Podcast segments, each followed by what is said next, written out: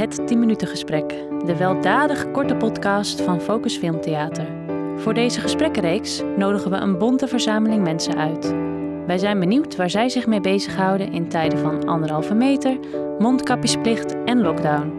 Hoe blijven ze van de straat en wat is er op hun beeldschermen te zien?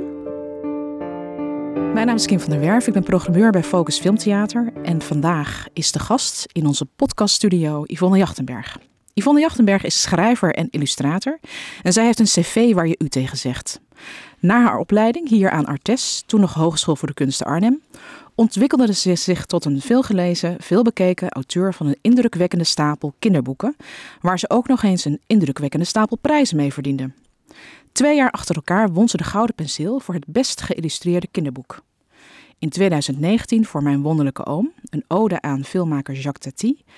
En in 2020 voor Hup Herman, een onvergetelijk verhaal over Zwijn Herman, die liever door de modder rolt dan zich te begeven in een wereld vol moordende competitie.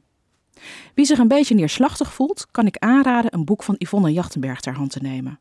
Met haar prachtige losse tekeningen en haar subtiele humor en wijsheid dompelt ze je onder in een weldadig warm bad van verwondering en relativisme. Het afgelopen jaar werkte Yvonne met haar partner, filmmaker Arno Kranenborg, aan de documentaire Alex Roeka, Engel en Beest, die op 10 maart aanstaande om 5 over 11 op NPO 2 te zien is. Welkom Yvonne, fijn dat je er bent. Dankjewel Kim. Normaaliter vind ik uh, zelfplugjes op Facebook behoorlijk irritant. Maar ik heb het afgelopen jaar met groot genoegen jouw blije berichten over het succes van Hub Herman voorbij zien komen. En mag ik daaruit constateren dat het heel goed met je gaat? Uh, ja, dat klopt. Het gaat heel goed. Ja. Dus kun je iets vertellen over dat uh, behoorlijk grote succes van uh, Hub Herman? Ja, dat begon met, met een enorme verrassing. Want ja, misschien heb je dat ook wel gelezen in de, in de Gelderlander destijds. Um, dat ik bij mijn uitgever uh, weg ben gegaan. Welke uitgever was dat? dat was uitgeverij Rubenstein. En um, nou ja, ik heb een, een stap genomen naar twee andere, twee nieuwe uitgevers. En het moment zeg maar dat mijn oeuvre overgenomen was, um, drie dagen daarna, kwam het grote nieuws dat Herman een prijs had gewonnen. En dat was de eerste in, de, in een hele reeks uh, prijzen. En het is niet bij de grens van Nederland opgehouden. Ook in het uh, buitenland uh, is Herman. Ja, ja, Herman wordt nu op dit moment vertaald door mijn Japanse vertaalster. En ehm, ja, die gaat, ze gaat naar, of hij gaat naar Japan, inderdaad, dat klopt. En um, hoe gaat het dan, zo'n zo'n vertaling in, in het Japans? Want het is. Um, nou, ik heb eigenlijk vanaf uh, mijn eerste boek, uh, Een Bijzondere Dag, uh, die, is eigenlijk meteen de hele wereld over gegaan. En toen kreeg ik al heel snel contact met een Japanse vertaalster, dat is Tsuko Notsaka. En zij um, zocht contact met mij. We hebben afgesproken in Amsterdam in een café, want zij, was, zij komt steeds naar Nederland, zeg maar. En... Um, toen hebben we gesproken over het boek, over de inhoud, wat ik nou precies wilde vertellen. En nou ja, en dan probeert zij dat, zeg maar, ook nog talig uh, op te lossen. Dus kijk, Japan is natuurlijk een heel andere, andere wereld. En uh, daar hebben ze ook andere manier van kijken, ook naar kinderen. En um, werkt dat in die vertaling dan mee? Want Herman heeft uh, relatief weinig tekst. Dus ik kan me voorstellen dat ieder woord uh, belangrijk is. Ja, zeker. Maar zeg maar de status quo van uh, zeg maar bij jezelf blijven of jezelf zijn is natuurlijk in Japan uh, is natuurlijk een heel ander verhaal. Hè? De kinderen zijn daar veel, veel meer productjes nog van hun ouders dan dat ze dat hier zijn. Hier mogen we wat eigenzinniger zijn als kind. Dus je hebt het met je vertaler dan over hoe je ook een soort culturele vertaling kan maken. Ja, ja absoluut. Want zij, zij, wij, zij wil natuurlijk ook wel uh, dat die boodschap zeg maar overkomt uh, uh, in, in Japan. Ja, moet, misschien moet je het toch voor de mensen die um, het boek, absoluut een aanrader is, ook voor volwassenen trouwens en niet alleen voor kinderen. Maar misschien moet je heel kort even vertellen wat, uh, wat Herman voor, voor personage is. Herman is een, uh, een hangbuikzwijn, zeg maar, wat uh, ja, behoorlijk tevreden is met zichzelf en het leven echt wel fijn vindt in zijn modderpoel. alleen de wereld om hem heen, zeg maar, is wat hectischer. En dat zijn de kippen. De kippen um, die doen elke dag een wedstrijd wie het eerste ei gelegd heeft en wie er als de kippen bij is. En ehm, Herman die besluit op een gegeven moment van, nou, die, die wordt daar zo chagrijnig van, maar die, besluit zich toch, uh, die voelt zich toch uitgedaagd. En die uh, besluit op een dag uh, mee te doen met de wedstrijd. Ja, en dan en, en gaat dat hij het begin van, van een heel ander leven voor Herman. Ja, ja, ja. Ja. Ik zag overigens dat je een, een uh, vervolg hebt geschreven op Hub Herman. Um, hoe heet het boek? Kop op, Herman. Ja? Ja. ja, de mensen zeiden nu ook weer dat ze omdat ik de vorige keer natuurlijk met mijn wonderlijke oom het Gouden Penseel had gewonnen. Um, dachten mensen dat ik Hub Herman had bedacht uh, dat het over een prijs zou gaan en het relativeren van een prijs. Maar het, het, grappige was dat ik het verhaal al bedacht had voordat ik de prijs won voor uh, mijn wonderlijke oom. En dat is nu weer het geval. Kop op Herman heb ik voor de coronacrisis al bedacht. Dus het verhaal was er al. Maar ik denk dat het nu heel veel uh, kinderen en mensen zal aanspreken. Van hoe ga je om met uh, ja, toch depressieve gevoelens. Herman uh, staat op een dag op en kijkt eigenlijk naar de lucht. En hij denkt, ja, er is geen vuiltje aan de lucht. Maar toch voelt er iets anders. En hij weet niet precies wat dat is. Um, zijn eten, alles is eigenlijk precies hetzelfde zoals de dagen daarvoor. Um, nou ja, en dan ja, dan loopt hij een beetje in het rond eigenlijk. En uh, probeert hij bij dat gevoel te komen, wat dat precies is. En ook wat hij daaraan kan doen.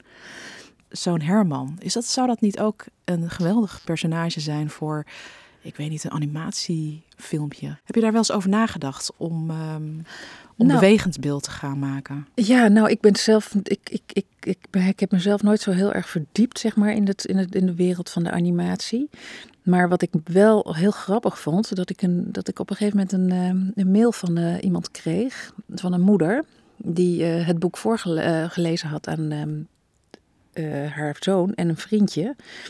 En dat vriendje zei, toen het boek uit was, zei hij van, was het nou een film of was het een boek? Ja, heel grappig. Ja. ja. ja, en toen gingen ze het weer opnieuw lezen. En nee, toen kwamen ze tot de conclusie dat het een film was. Ja. En dat vond ik heel grappig. Want ik dacht van ja, dat, dus er zit uh, die beweging, zeg ja. maar, die er al in zit. Die, ja. uh, die komt dus ook echt. Ja, want je hebt wel echt affiniteit met, uh, met het medium. Je hebt het afgelopen jaar gewerkt met, met Arno aan een, aan een film, een documentaire over singer-songwriter um, Alex Ruka. Ik denk dat het niet een heel bekende naam is bij het grote publiek. Kun je heel kort uitleggen waar deze film over gaat? Uh, deze film gaat over uh, Alex Roeke als artiest, die op een late leeftijd eigenlijk begonnen is een Nederlandstalige lied te schrijven. En daar succes mee heeft gekregen. ook bij een kleiner, misschien kleiner publiek, maar toch ehm, daar uiteindelijk hij heeft daarvoor zeg maar heel lang geprobeerd schrijver te worden en geprobeerd zijn boeken uit te geven. Dat, is, dat was zeg maar een mislukt traject. Dan, toen heeft hij op een gegeven moment de knop omgezet en uh, is hij liedjes gaan schrijven. En daar, uh, ja, daar haalt hij toch wel volle zalen mee. En hoe zijn jullie erbij gekomen om daar een film, om, om een film over hem te maken? Ja, hoe dat precies uh, begonnen is, weet ik niet heel erg goed meer. Daar, daar zou je echt Arno over moeten vragen. Maar op een gegeven moment was het zo dat wij in contact kwamen met hem. En Alex zei toen zelf ook van, ga jij ook aan de film meewerken?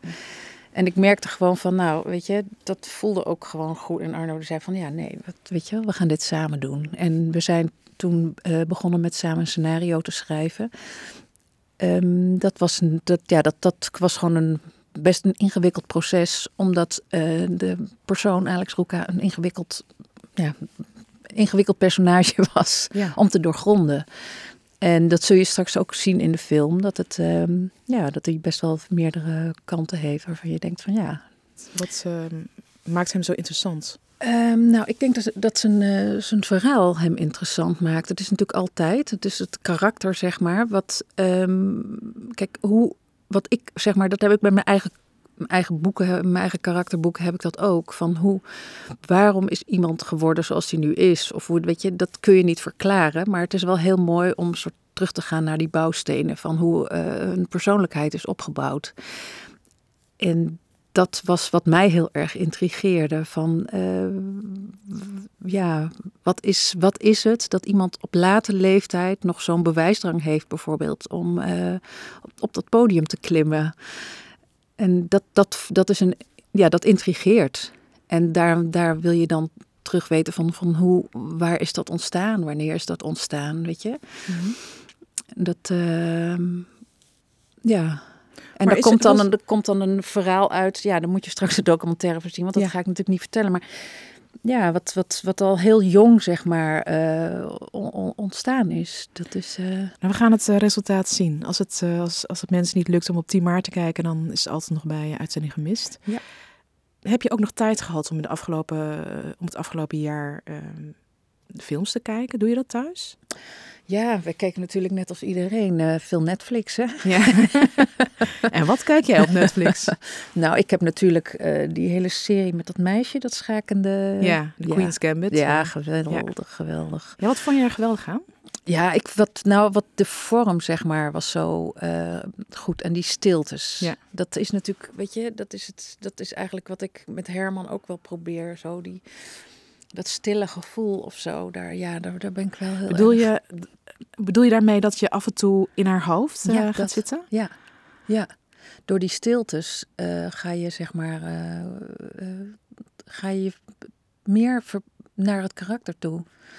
En dat zag het natuurlijk ook, weet je, qua, qua kleding Ja. en mode. En dat is heel Ja. goed gedaan. Heel goed gedaan. Dan wil ik heel graag aan je vragen. Wat. eh, ehm, nou, het, het klinkt niet alsof je de afgelo- het afgelopen jaar thuis hebt gezeten. Maar is er iets eh, waar je heel erg naar uitkijkt als dadelijk eh, de, de lockdown is opgeheven en we weer veel vrijer kunnen bewegen? Nou ja, een van de eerste weken eh, toen de lockdown begon, toen zei, zei ik tegen, liepen we Arno en ik in het bos. Toen zei ik van, goh, wat is er nou eigenlijk veranderd aan ons leven? Want volgens mij leven wij al ons hele leven in lockdown. Maar eh, weet je, dat je denkt, oh ja, wat, wat, wat, hè, wat zitten we nou met z'n allen zo ingewikkeld te doen? Maar nu denk ik inmiddels wel weer van, ja, waar kijk ik nou het meest uit? Nou, inderdaad, naar de film gaan. Dat soort, dat soort gewoon uitstapjes, weet je? Kleine. Ik ben niet zo van het hele grote of zo. Dus ik, dat, daar verheug ik me echt wel- wel weer op.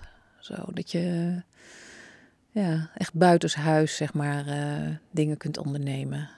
En in een En- café kunt zitten. En aan een café kunt zitten en weer gewoon, weet je wel, een volle tafel aan huis. In Ja. plaats van, eh, want dat merk je wel, dat iedereen eh, ja, sociaal toch ook wel een beetje teruggetrokken. Ja. En, en hè, dat je bijna een beetje, of niet eh, vies van elkaar wordt, maar een beetje dat, dat men gewoon een beetje eng, Afstand houdt. ja, en enger gaat leven eigenlijk. En dat vind ik wel, ja, dat vind ik wel heel akelig eigenlijk om te, te bemerken.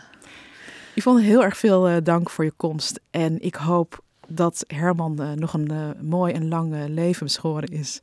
En dat jullie film ook eh, goed bekeken wordt. Ik ben zeer benieuwd. We gaan het zien. En graag tot ziens. Oké, dankjewel hè. Leuk dat je luisterde naar het 10 minuten gesprek. Deze podcast is een productie van Focus Filmtheater. De techniek is in handen van Hans Pfeiffer en de muziek is gemaakt door Piotr Lansink. Graag tot de volgende keer.